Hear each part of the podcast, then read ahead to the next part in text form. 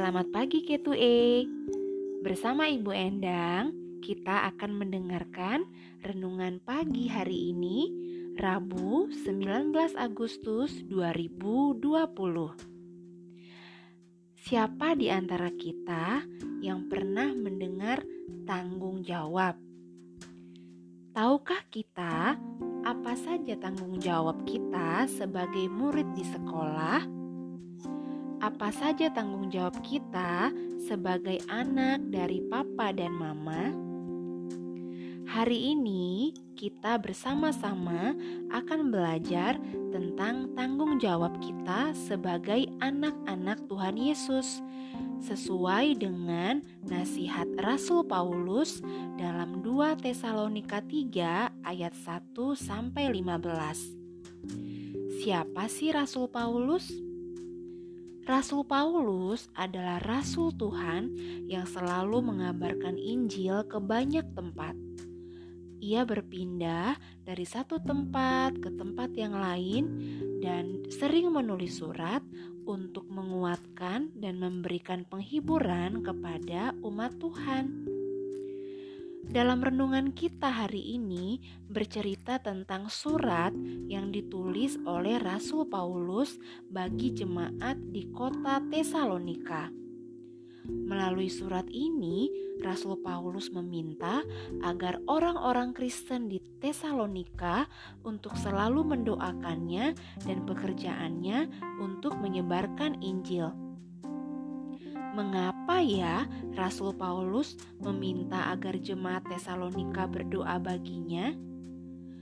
Karena Rasul Paulus sadar doa dari jemaat yang memampukan dia untuk melakukan semua tugas, kewajiban, dan tanggung jawabnya sebagai murid Tuhan Yesus.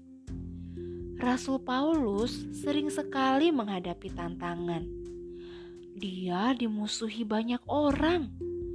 Ada yang ingin membunuhnya dan bahkan ingin memenjarakannya. Nah, dukungan doa inilah yang bisa menguatkan dan meneguhkan Rasul Paulus. Selain itu, Rasul Paulus juga mengingatkan agar jemaat di Tesalonika untuk tidak bosan-bosannya berbuat baik ia mengingatkan mereka untuk tidak memusuhi saudara yang berlaku salah, tetapi menegur dan mengingatkan saudara yang berlaku salah itu dengan penuh kasih. Nah, K2E melalui bacaan ini kita belajar tiga tugas dan tanggung jawab sebagai anak-anak Tuhan. Yang pertama, kita harus tekun berdoa. Ketika kita berdoa, kita tidak boleh hanya berdoa untuk diri sendiri, tetapi kita juga harus berdoa ya untuk orang lain. Kedua, kita harus selalu berbuat baik. Dan yang ketiga, kita tidak boleh memusuhi teman yang berbuat salah tetapi kita harus menegur teman kita itu dengan kasih. Seperti Efesus 6 ayat 1 berkata, Hai anak-anak, taatilah orang tuamu di dalam Tuhan, karena haruslah demikian. Nah, Ibu Endang yakin semua anak-anak itu E adalah anak-anak yang baik dan kita harus rajin berdoa, berbuat baik kepada semua orang, dan tidak boleh memusuhi teman yang berbuat salah kepada kita. Yuk, sekarang kita sama-sama berdoa. Lipat tangan, tutup mata, ikutin Ibu Endang ya. Tuhan Yesus, kami ingin menjadi anak-anak Tuhan yang bertanggung jawab. Dalam nama Tuhan Yesus, kami berdoa. Amin. Terima kasih K2A. Have a nice day and God bless you all.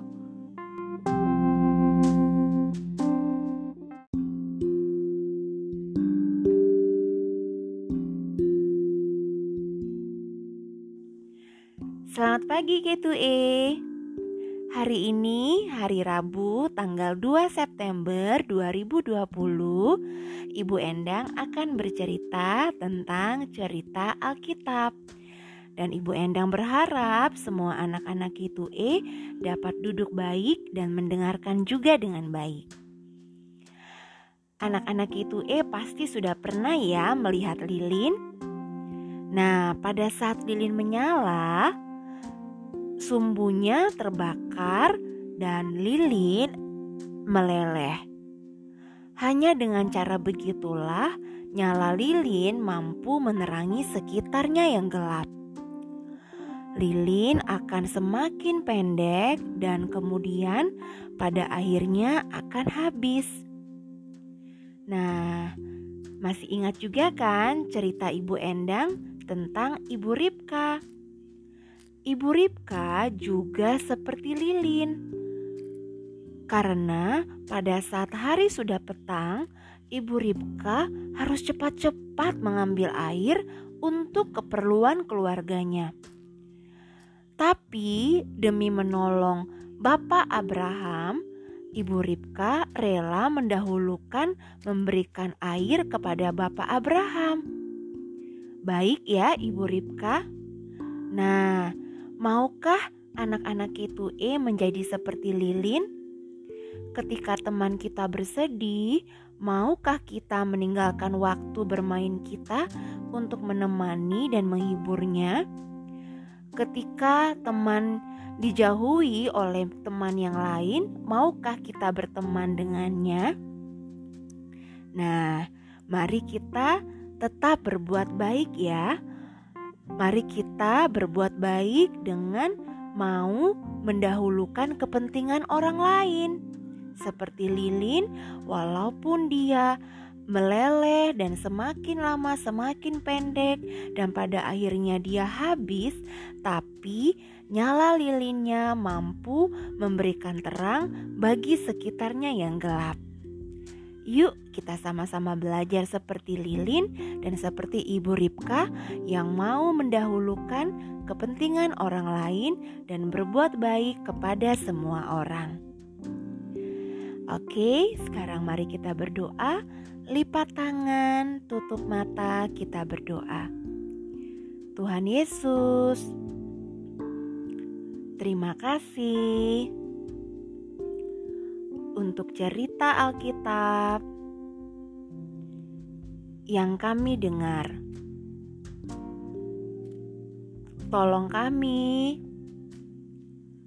untuk menjadi anak yang baik, yang mau mendahulukan kepentingan orang lain. Terima kasih, Tuhan. Amin. Nah, setelah ini anak-anak itu E juga boleh bernyanyi Jesus Loves Me ya. Oke, terima kasih. Tuhan memberkati.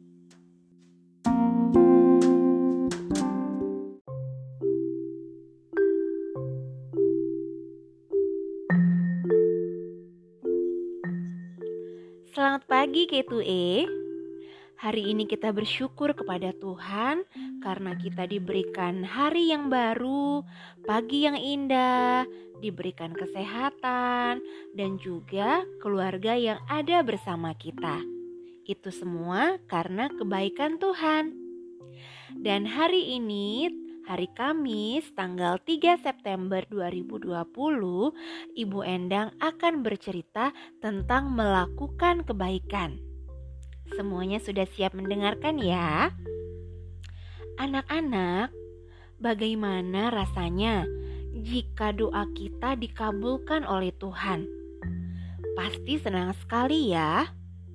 Misalnya kita berdoa, kita ingin bertemu dengan saudara sepupu yang sudah lama sekali tidak bertemu. Tiba-tiba saudara kita datang ke rumah dan kita tentu sangat senang karena doa kita dijawab. Nah, itu pula yang terjadi pada Bapak Abraham. Masih ingat ya, Bapak Abraham yang diberikan air oleh Ibu Ribka. Pada waktu Bapak Abraham disuruh oleh Tuhan untuk mencari istri bagi anaknya Ishak, Bapak Abraham bingung. Lalu Bapak Abraham berdoa kepada Tuhan. Ia memohon kepada Tuhan supaya Tuhan menunjukkan kepadanya calon istri anaknya Ishak yang terbaik. Dan melalui kebaikan Ribka, akhirnya Tuhan menjawab doa Bapak Abraham. Anak-anak, Tuhan menjawab doa kita melalui orang-orang yang ada di sekitar kita. Oleh karena itu, mari kita bersyukur atas kehadiran orang-orang yang ada di sekeliling kita. Nah, sekarang yuk kita mari berdoa bersama-sama. Ikuti setelah Ibu Endang ya. Tuhan Yesus, terima kasih atas kebaikanmu, atas setiap orang baik yang ada di sekeliling kami. Ajar kami, Tuhan berbuat baik bagi orang lain. Terima kasih, Tuhan. Amin. Setelah ini, anak-anak boleh menyanyikan Jesus Loves Me. Oke K2E, selamat beraktivitas, tetap semangat, dan Tuhan Yesus memberkati.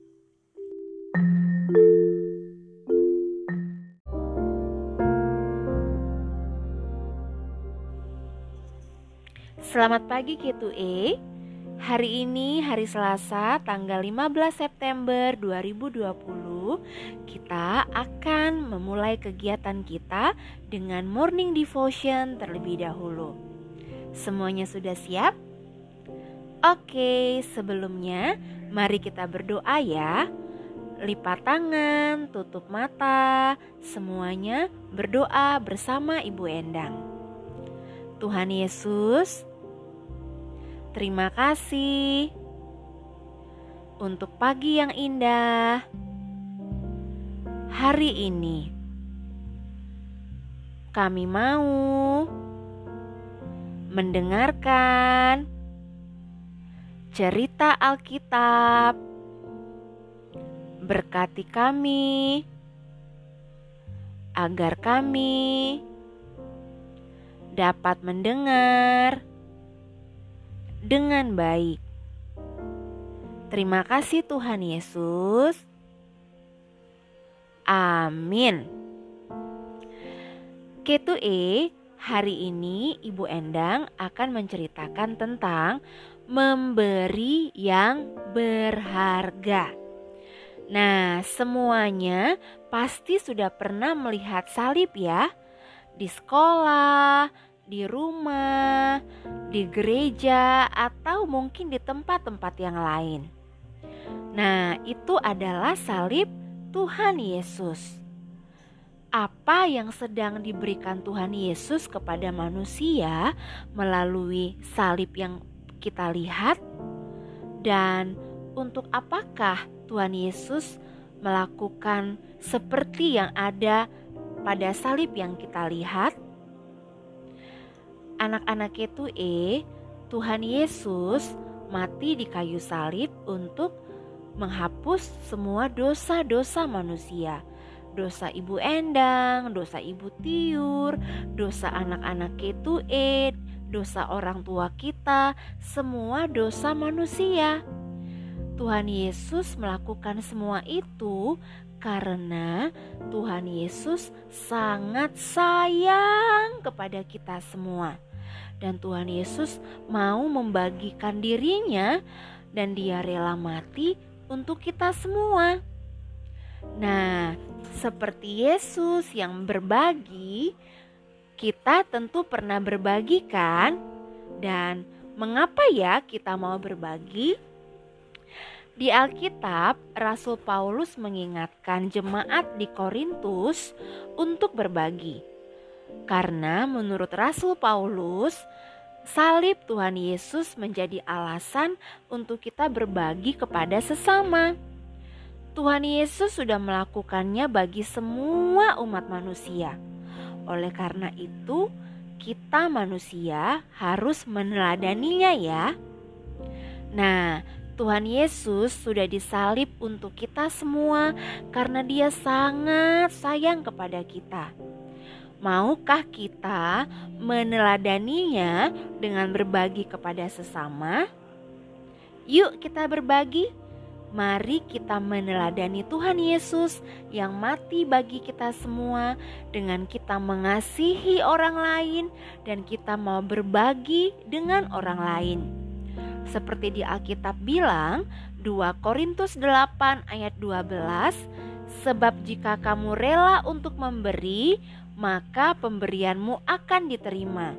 Kalau pemberianmu itu berdasarkan apa yang ada padamu, bukan berdasarkan apa yang tidak ada padamu.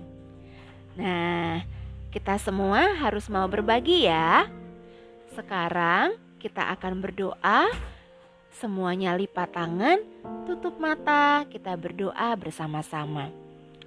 Tuhan Yesus, tolong kami agar menjadi anak-anak yang baik, penuh kasih, rendah hati, dan mau berbagi kepada semua orang. Terima kasih, Tuhan. Amin. Nah, sekarang anak-anak K2E boleh melanjutkan dengan bernyanyi Jesus Loves Me.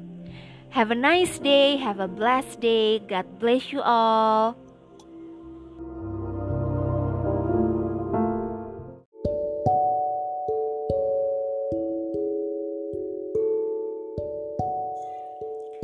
Selamat pagi K2E Bersama Ibu Endang kembali kita akan mendengarkan cerita Alkitab di Morning Devotion hari ini.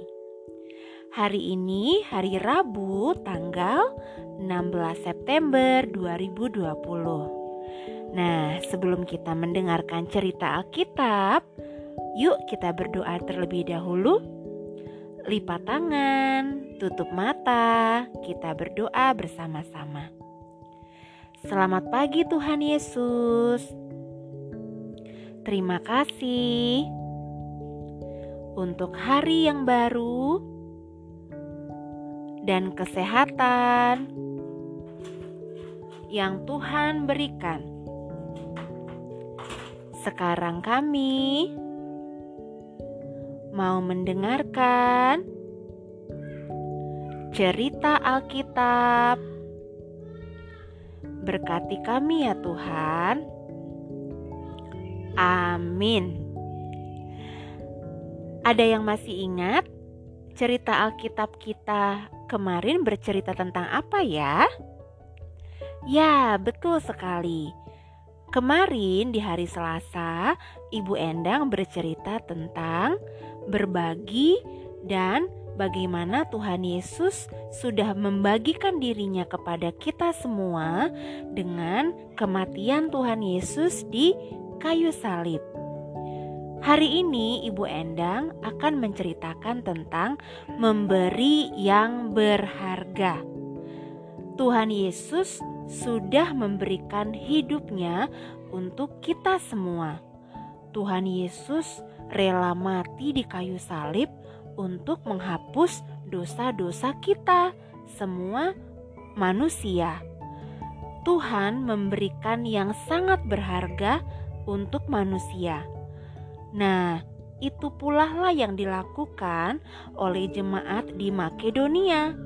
Mereka memberikan harta, waktu, dan tenaga mereka untuk pelayanan kasih bagi jemaat di Yerusalem. Kalau kita apa yang berharga untuk kita? Maukah kita membagikan mainan yang paling kita sukai kepada mereka yang tidak mampu membeli mainan? Maukah kita menolong teman yang kesulitan belajar? Nah, hari ini kita belajar untuk memberikan yang baik, yang berharga bagi orang-orang di sekitar kita yang membutuhkan. Seperti di Alkitab berkata, di 2 Korintus 8 ayat 12, sebab jika kamu rela untuk memberi, maka pemberianmu akan diterima. Kalau pemberian itu berdasarkan apa yang ada padamu, bukan berdasarkan apa yang tidak ada padamu. Yuk, kita belajar untuk memberikan yang terbaik kepada orang-orang di sekitar kita yang membutuhkan bahkan kalaupun kita harus memberikan yang kita sukai atau yang kita sayangi. Bisa ya? Nah, sekarang mari kita berdoa, kita minta Tuhan untuk memberikan kita kekuatan. Lipat tangan, tutup mata, kita berdoa bersama-sama. Tuhan Yesus, terima kasih untuk cerita Alkitab yang sudah kami dengar. Tolong kami untuk menjadi anak yang berbagi dan memberikan yang baik kepada orang yang membutuhkan. Terima kasih, Tuhan. Amin. Setelah ini, boleh bernyanyi lagu Jesus Loves Me. Selamat belajar K2E, tetap semangat. Tuhan Yesus memberkati.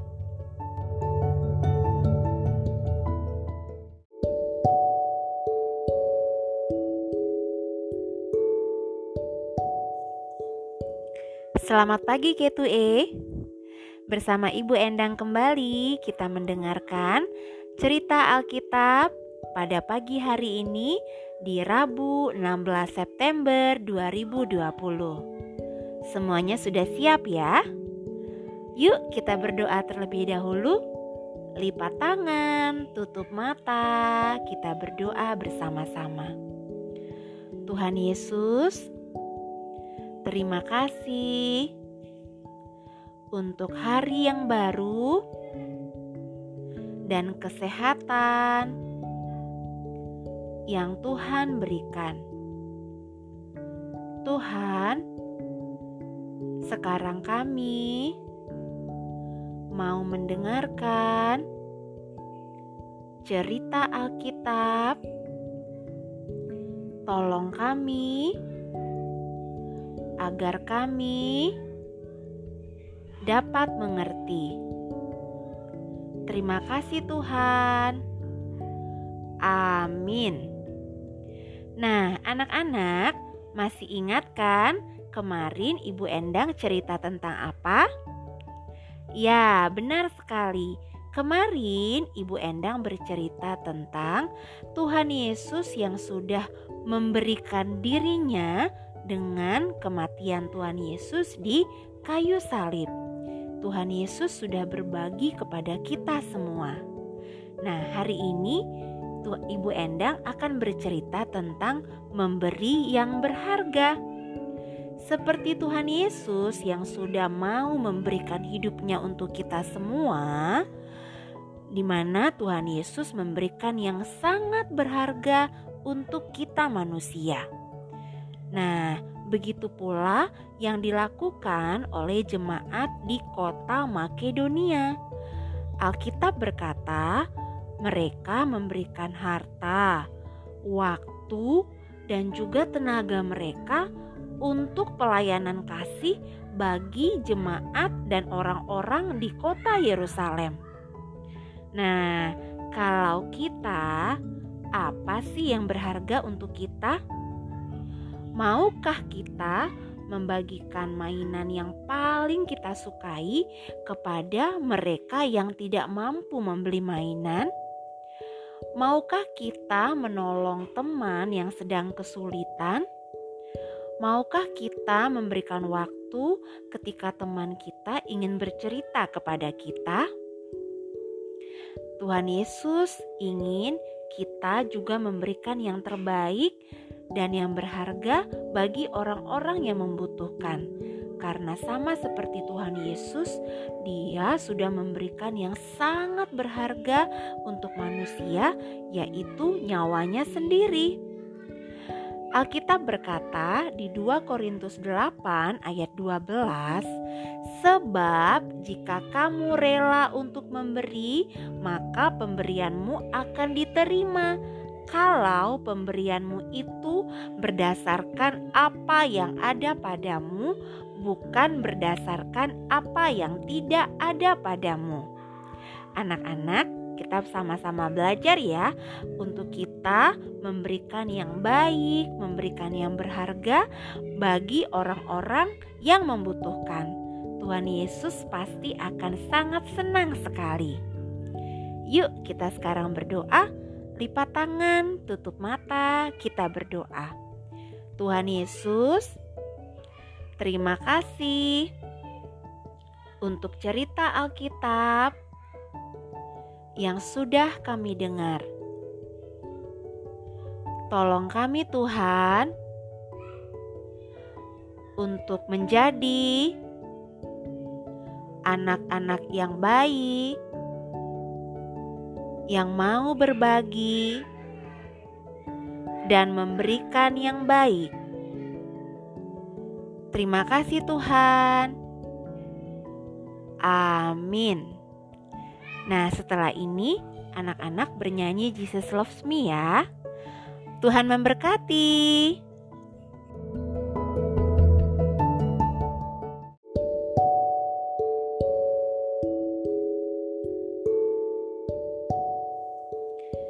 Selamat pagi K2E, kembali bersama Ibu Endang di hari Kamis tanggal 17 September 2020. Sebelum kita melakukan kegiatan kita hari ini, seperti biasa kita akan mendengarkan cerita Alkitab. Sebelumnya, yuk kita berdoa dulu ya. Lipat tangannya, tutup mata, kita berdoa. Selamat pagi Tuhan Yesus. Terima kasih untuk hari yang baru dan pagi yang indah. Sekarang kami mau mendengarkan cerita Alkitab Berkati kami Tuhan. Amin. Oke, judul hari ini adalah memberi yang berharga. Masih ingatkah cerita tentang Mirna dan Betty ketika Mirna tidak mempunyai pensil karena pensilnya selalu patah, Betty meminjamkan dan berbagi pensilnya dengan Mirna. Sudah ingat ya? Kira-kira bagaimana ya wajah Mirna ketika Betty berbagi pensil dengannya? Ya, betul sekali. Mirna tidak lagi gelisah. Dia tidak lagi sedih karena ia dapat mengerjakan tugas dan menulis kembali. Itu berarti Mirna senang ketika Betty berbagi dengannya.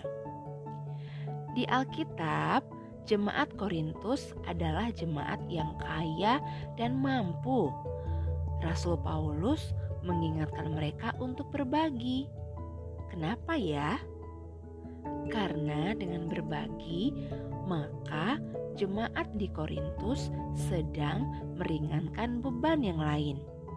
Dalam hal ini, meringankan beban jemaat di Yerusalem, sebab Rasul Paulus menganjurkan berbagi kepada jemaat di Yerusalem.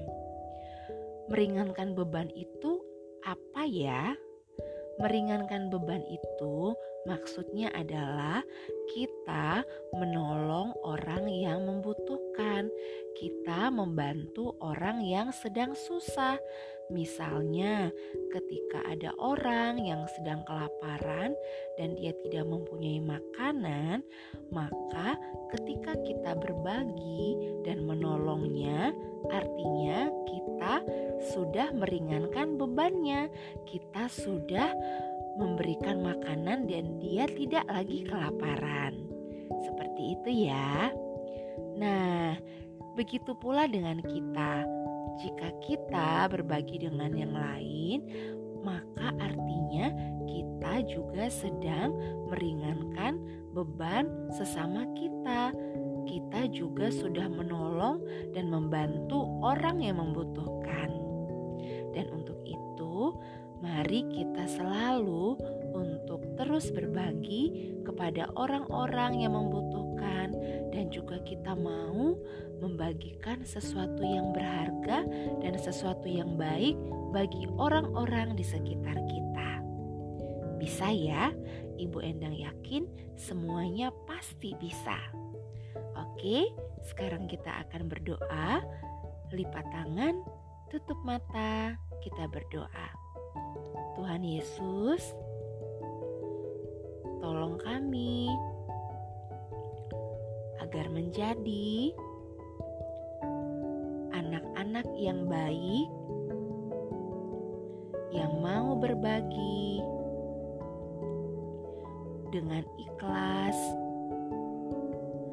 dan mau memberi yang terbaik Terima kasih Tuhan.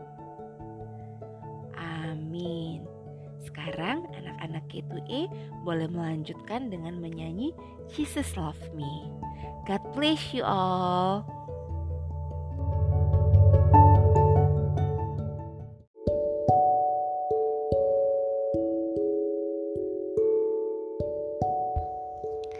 Selamat pagi K2E. Kembali bersama Ibu Endang, kita akan melakukan kegiatan morning devotion pada hari ini, Selasa tanggal 29 September 2020. Kita mulai ya. Sebelumnya, kita berdoa terlebih dahulu. Lipat tangan, tutup mata, kita berdoa. Selamat pagi Tuhan Yesus. Terima kasih untuk pagi yang indah dan kesehatan yang Tuhan berikan. Sekarang kami mau mendengarkan cerita Alkitab. Berkati kami, Tuhan. Amin. Oke, siapa yang masih ingat? Kemarin Ibu Endang cerita tentang apa ya? Ya, Ibu Endang cerita tentang menjadi anak yang taat.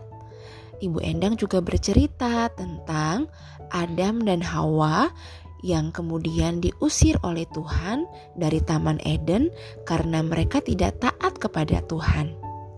Nah, misalnya pada suatu saat orang tua kita tidak bisa menemani belajar karena ada keperluan yang tidak bisa ditinggalkan.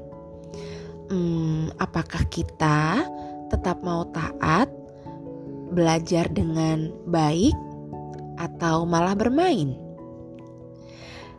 Anak-anak itu eh, Tuhan menempatkan Adam di tengah-tengah taman agar ia bertanggung jawab Salah satunya adalah dengan mentaati peraturan yang Tuhan berikan.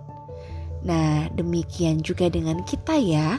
Tuhan menginginkan kita untuk mentaati peraturan, meskipun orang tua kita sedang tidak mengawasi. Peraturan menolong kita untuk menjadi anak-anak yang bertanggung jawab. Yuk, kita belajar bersama-sama ya untuk melatih bertanggung jawab. Oke, sekarang kita akan berdoa. Lipat tangan, tutup mata, kita berdoa. Tuhan Yesus, Tolong kami agar menjadi anak-anak yang taat kepada orang tua dan menjadi anak yang baik bagi semua orang. Terima kasih, Tuhan. Amin. Oke, kita sama-sama belajar ya untuk menjadi anak-anak yang bertanggung jawab dan taat kepada peraturan, kepada orang tua, dan juga kepada ibu guru. Oke, anak-anak itu eh, setelah ini boleh bernyanyi lagu Jesus Love Me. Terima kasih, Tuhan Yesus memberkati.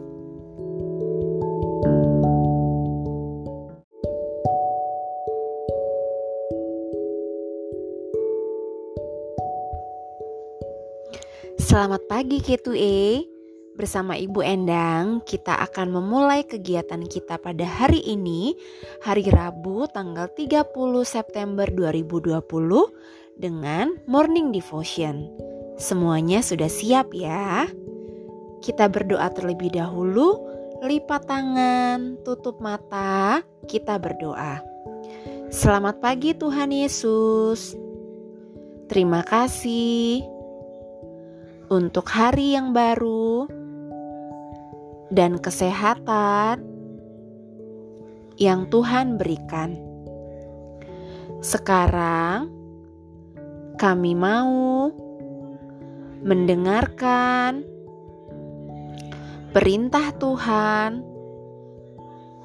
Berkati kami, Tuhan. Amin. Oke, kemarin Ibu Endang sudah bercerita tentang taat kepada aturan. Jadi, misalnya, jika mama dan papa tidak bisa menemani belajar, kita juga harus tetap belajar dengan baik. Jangan bermain-main ya. Nah, Tuhan selalu melihat perbuatan kita. Oleh sebab itu, kita harus selalu berbuat yang dikehendaki oleh Tuhan. Perbuatan seperti apa ya? Perbuatan yang selalu taat pada perintah dan peraturan Tuhan. Tuhan melihat apa yang kita perbuat, apa yang baik maupun yang jahat.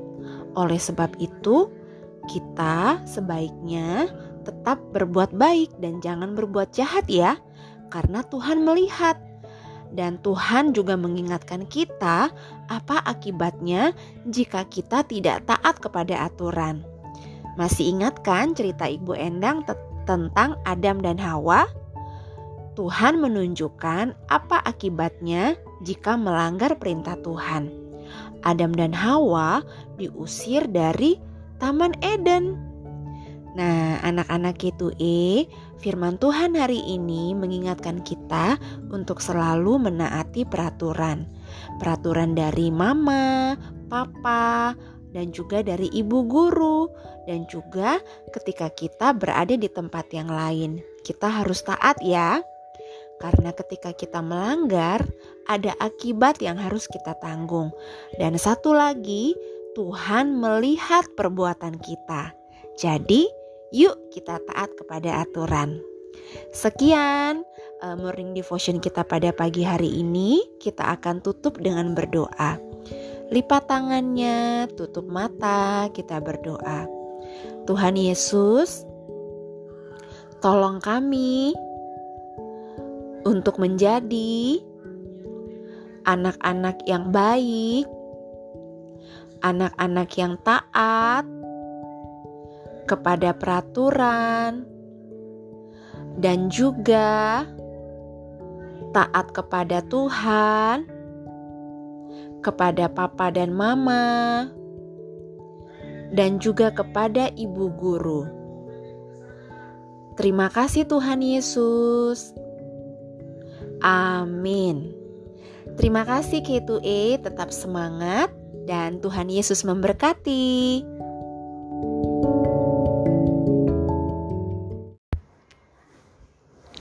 Selamat pagi K2E. bersama Ibu Endang kita akan memulai hari kita dengan morning devotion terlebih dahulu ya. Hari ini hari Selasa, tanggal 13 Oktober 2020. Kita berdoa terlebih dahulu, lipat tangan, tutup mata, kita berdoa. Selamat pagi Tuhan Yesus. Terima kasih untuk hari yang baru dan kesehatan yang Tuhan berikan. Sekarang kami mau mendengarkan cerita Alkitab. Berkati kami ya Tuhan. Amin. Oke, K2E kemarin di hari Senin kita sudah mendengarkan cerita tentang bagaimana orang Israel yang diberikan makanan oleh Tuhan. Ketika pagi hari Tuhan memberikan roti mana dan ketika hari petang Tuhan memberikan daging burung puyuh. Nah, seperti Tuhan yang memelihara dan menjaga orang Israel, Tuhan juga menjaga kehidupan kita. Tuhan menyediakan keluarga, menyediakan rumah, dan juga menyediakan makanan untuk kita. Nah, jika kita mempunyai makanan, apakah sebaiknya yang kita lakukan? Apakah kita boleh membuang-buang makanan? Tentu tidak, ya, karena banyak orang-orang yang tidak mempunyai makanan. Jadi, kita harus mensyukuri apa yang kita miliki dengan cara menghabiskan dan tidak membuang-buang makanan yang kita punya. Jika kita punya banyak makanan, alangkah lebih baiknya kita berbagi kepada orang lain, misalnya kepada tetangga, kepada keluarga, dan juga kepada teman-teman. Ketika kita membuang makanan, hal itu tidak menyenangkan hati Tuhan. Tuhan mau kita mengambil dan makan sesuai dengan kebutuhan kita secukupnya. Ya, secukupnya saja ya. Karena Tuhan memelihara kita melalui makanan, maka kita juga harus menghargai makanan yang sudah Tuhan berikan kepada kita. Jadi anak-anak itu E, ingat ya, untuk tidak membuang-buang makanan. Oke, sekarang kita akan berdoa. Lipat tangan, tutup mata, kita berdoa. Tuhan Yesus, ajar kami untuk kami tidak membuang-buang makanan,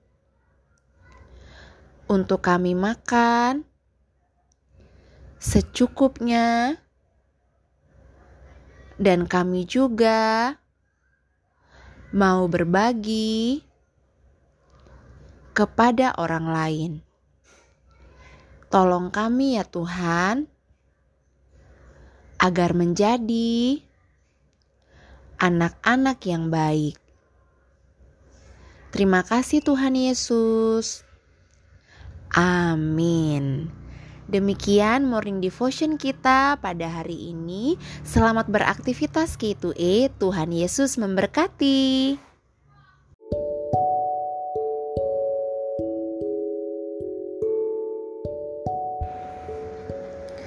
Selamat pagi K2E. Bersama Ibu Endang, kembali kita memulai hari ini dengan morning devotion terlebih dahulu. Ya, Hari ini hari Rabu tanggal 14 Oktober 2020. Yuk kita berdoa terlebih dahulu. Semuanya lipat tangan dan tutup mata ya. Selamat pagi Tuhan Yesus. Terima kasih untuk pagi yang indah dan kesehatan yang Tuhan berikan. Tuhan, berkati kami yang akan melakukan kegiatan morning devotion. Terima kasih Tuhan Yesus. Amin. Anak-anak itu E, hari Senin dan hari Selasa, Ibu Endang sudah menceritakan tentang bangsa Israel yang dipelihara oleh Tuhan, di mana Tuhan menyediakan makanan bagi mereka. Ya, benar sekali. Pada waktu bangsa Israel meninggalkan Mesir menuju ke tanah Kanaan, Tuhan menyediakan makanan bagi mereka. Ada yang masih ingat Tuhan memberikan makanan apa ya untuk mereka? Ya, pada pagi hari Tuhan memberikan mereka roti dan ketika petang hari Tuhan memberikan mereka daging burung puyuh. Roti dan daging burung puyuh dapat dimakan oleh bangsa Israel, tetapi mereka harus taat. Mereka tidak boleh mengambil berlebihan, tidak boleh mengambil terlalu banyak mereka diminta untuk mengambil sesuai dengan kebutuhan. Maksudnya, secukupnya saja. Jadi, kalau roti, masing-masing orang mengambil satu, tidak boleh mengambil lima atau mengambil sepuluh, hanya secukupnya saja, ya. Tuhan memelihara kehidupan kita melalui banyak hal, salah satunya adalah melalui makanan. Tuhan memakai orang tua kita, para pedagang di pasar, petani di sawah, dan di ladang untuk menghasilkan makanan bagi kita. Contohnya, bapak petani di sawah menghasilkan beras dan kemudian akan dimasak dan menjadi nasi untuk kita.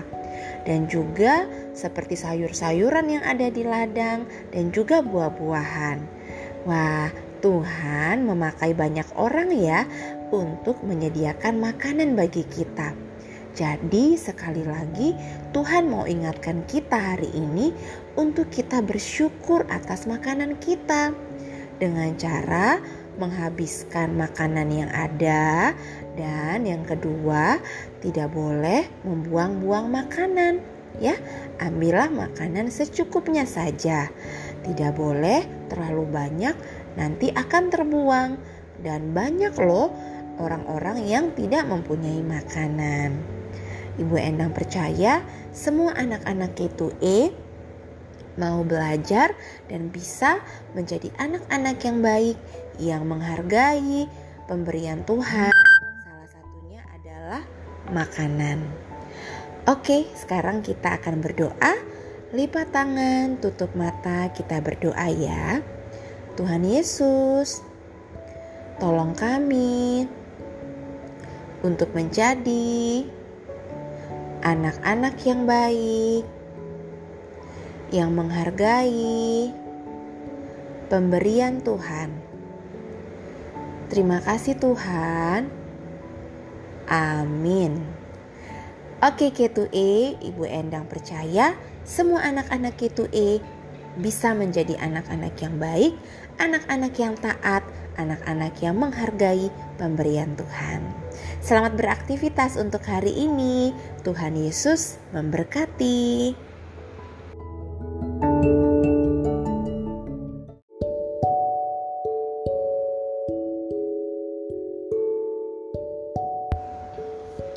Selamat pagi K2A. Hari ini hari Kamis tanggal 15 Oktober 2020 kita akan melakukan kegiatan morning devotion bersama Ibu Endang. Sebelumnya seperti biasa kita akan berdoa dulu ya. Yuk lipat tangan dan tutup mata kita berdoa bersama-sama. Selamat pagi Tuhan. Terima kasih untuk pagi yang indah dan kesehatan yang Tuhan berikan. Sebentar lagi kami akan mendengarkan cerita Alkitab Berkati kami ya Tuhan. Amin. Anak-anak itu eh pernah nggak sih kita mengeluh atas makanan kita? Misalnya kita merasa bahwa makanan kita tidak enak karena kita tidak suka dan kita pun menolak makanan yang sudah disediakan oleh mama dan papa. Padahal mama dan papa harus bekerja keras supaya makanan dapat tersedia di meja makan. Hmm, apakah pernah seperti itu? Nah, coba bayangkan bagaimana jika seandainya kita menjadi bangsa Israel. Mereka tidak bisa mengeluh atas makanan yang tersedia. Masih ingat kan Ibu Endang cerita apa? Makanan yang disediakan oleh Tuhan bagi bangsa Israel adalah roti mana dan daging burung puyuh. Mereka harus bisa menerimanya dan memakannya. Karena jika mereka tidak suka, mereka tentu akan kelaparan. Karena Tuhan sudah menyediakan roti mana dan daging burung puyuh. Nah, firman Tuhan hari ini mengajak kita semua untuk kita tidak mengeluh untuk makanan yang sudah ada di hadapan kita. Kita harus bersyukur dan menjadi anak-anak yang taat dengan tidak membuang makanan. Nah, jadi anak-anak itu eh apa pun makanan yang disediakan oleh mama atau papa, kita harus bersyukur ya. Kita harus memakannya dan menghabiskannya. Ingat, makanan itu disediakan oleh Tuhan melalui orang tua kita. Nah, jadi kita juga harus menghargai pemberian Tuhan dengan memakan makanan kita dan tidak membuang-buang makanan. Seperti di Alkitab berkata, Keluaran 16 ayat 16, pungutlah itu tiap-tiap orang menurut keperluannya, masing-masing kamu boleh mengambil untuk seisi kemahnya segomer seorang menurut jumlah jiwa. Maksudnya, bangsa Israel boleh mengambil makanan yang disediakan oleh Tuhan, tetapi secukupnya saja. Oke, yuk sekarang kita berdoa ya. Lipat tangannya, tutup mata, kita berdoa. Tuhan Yesus, tolong kami untuk menjadi anak-anak yang taat, melakukan perintah Tuhan, dan tidak membuang makanan. Tolong kami, Tuhan. Terima kasih, Tuhan Yesus. Amin. Sekian morning devotion kita untuk hari ini. Selamat beraktivitas untuk semua anak-anak K2E. Tetap semangat ya dan Tuhan Yesus memberkati.